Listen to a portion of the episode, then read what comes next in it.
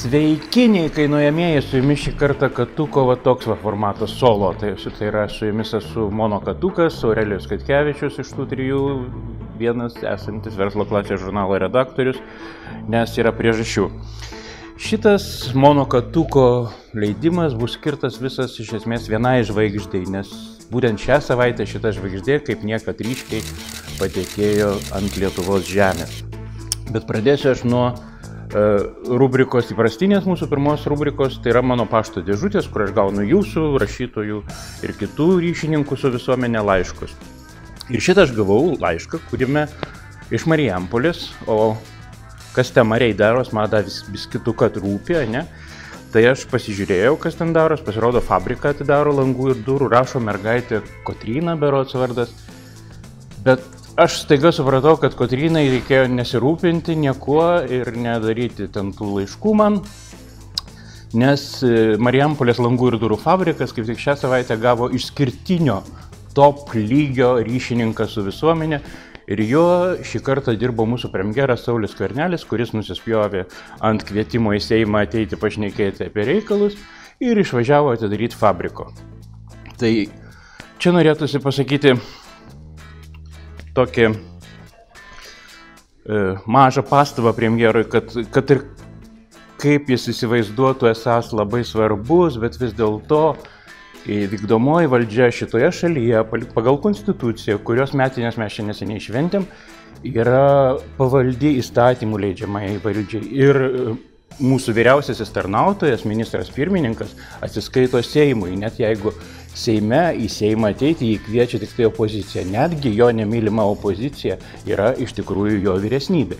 Apskritai, pastaruoju metu kažkas internetuose išnekėjo, kad darosi toks įspūdis, kad premjeras kūrė tokį savotišką perversmą teisės sampratoje ir anot jo žemesnio rango teisės aktai pradeda būti svarbesni negu aukštesnio rango teisės aktai. Pavyzdžiui, vyriausybės kanceliarijos reglamentas darosi svarbesnis negu Lietuvos konstitucija, o šiuo atveju premjero darbo atvarkė, pavyzdžiui, darosi svarbesnė negu kad, na, irgi konstitucija ir Seimo statutas. Ir svarbu yra tai, kad labai gali būti, kad iki to laiko, kol mūsų vyriausiasis valstybės tarnautojas, mūsų visų tarnas svarbiausias, pasakys valstybė, tai aš liko visai nedaug laiko. Kaip tik šiomis dienomis, kaip tik spalį, jums ir Facebookas primena, ir televizorius primena, kad lygiai, suėjo lygiai dviejų metai, dabar jubiliejus, kai valdžia atėjo šitie žalsvi agrarai. Žaliais ir dar valstiečiais man jų vadinti kažkaip vis dar iki šiol neišėjai. Ir kai šitie tarnautojai atėjo mums visiems tarnauti, aš net atkreipiau dėmesį, kad turbūt pirmą kartą nepriklausomos, naujos nepriklausomybės istorijoje ministras pirmininkas yra bent dešimčia metų už mane jaunesnis. Pagalvoju, o kaip gerai, atėjo jauni, guvus, energingi, to čia viskas čia rūks aplinkui, darbai tik darysis.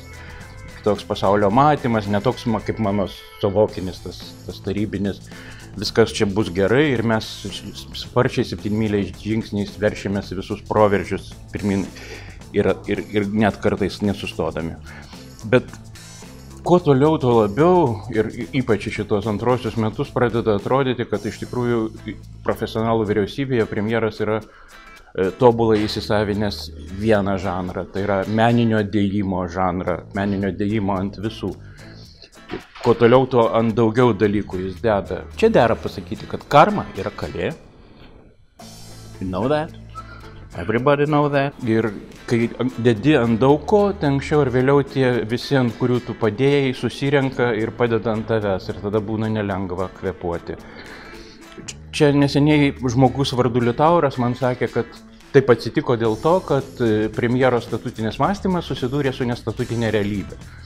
Nu, gali būti, bet iš esmės didžioji dalis realybės jinai ir yra nestatutinė. Ir premjeras štai jau dviejus metus yra nestatute, o politikoje, kur paprastai susidurėma su nestatutinė realybė, jinai neklauso mūsų įsakymų ir, ir nesielgia pagal tai, kaip, kaip reikalauja vyresnysis pareigūnas. Tai aš patarčiau pamažu pradėti pratintis vat, į kadencijos bent jau pabaigą prie to, kad realybės jos būna nestatutinės ir atitinkamai su jom reaguoti, tik tada tu galų gale ir būsi politikas. Šitas yra penktas mano kaip katuko įrašas Laisvės televizijoje, penktas tokio formato, mano formato ir penki jau yra jubiliejus, ar ne? Nusistovėjo šiokia tokia tradicija rašyti eilėraščius pasisakymų Laisvės televizijoje proga. Žinoma, aš eilių vėl prirašiau, prirašiau įkvėptas vieno mitingo, kuris vyko prie televizoriaus. Mitingo tema buvo atiduokit televizorių ir mums. Ir ten buvo visokių plakatų ir štai vienas plakatas mane įkvėpė ketureiliui. Ketureiliai skambės šitaip. Saulė ims ir nusileis, varpas nuskardens, lauk myliutė jis ateis, ta keliu rudens. Toks plakatas ten buvo, lauk myliutė. Tai, bet šiaip mitingas man sukėlė šit kokių minčių. Man dabar 56 ir aš laukiu, nesulaukiu, kada man su 65 metai aš išeisiu į pensiją. Ir ramę sąžinę garsiai galėsiu pasakyti, kad žmonėms sulaukusiems 65 metų balsuoti rinkimuose galima jau ir nebeleisti. E, aš suprantu, kad tai pastumės į šalį vieną kitą adekvatų žmogų, pavyzdžiui, mane arba Donatą Katku, bet nauda galimai gausima iš tokios operacijos, ko gero, bus vis dėlto didesnė. Ir dar visai jau pačiai pabaigai, man labai norėtųsi, kad mūsų šnekos apie premjero naujus sakinius, apie šimonytės debatus, kad jos nenustumtų į šalį svarbiausio klausimo, kuris dabar turėtų būti nagrinėjamas Seime. Ir nagrinėjamas Seime, kaip tik dabar svarstomas yra kitų metų biudžetas. Biudžetas yra pagrindinis šalies įstatymas ir jam turėtų būti skiriama daugiau, gerokai daugiau dėmesio, negu mes iki šiol skirdavome.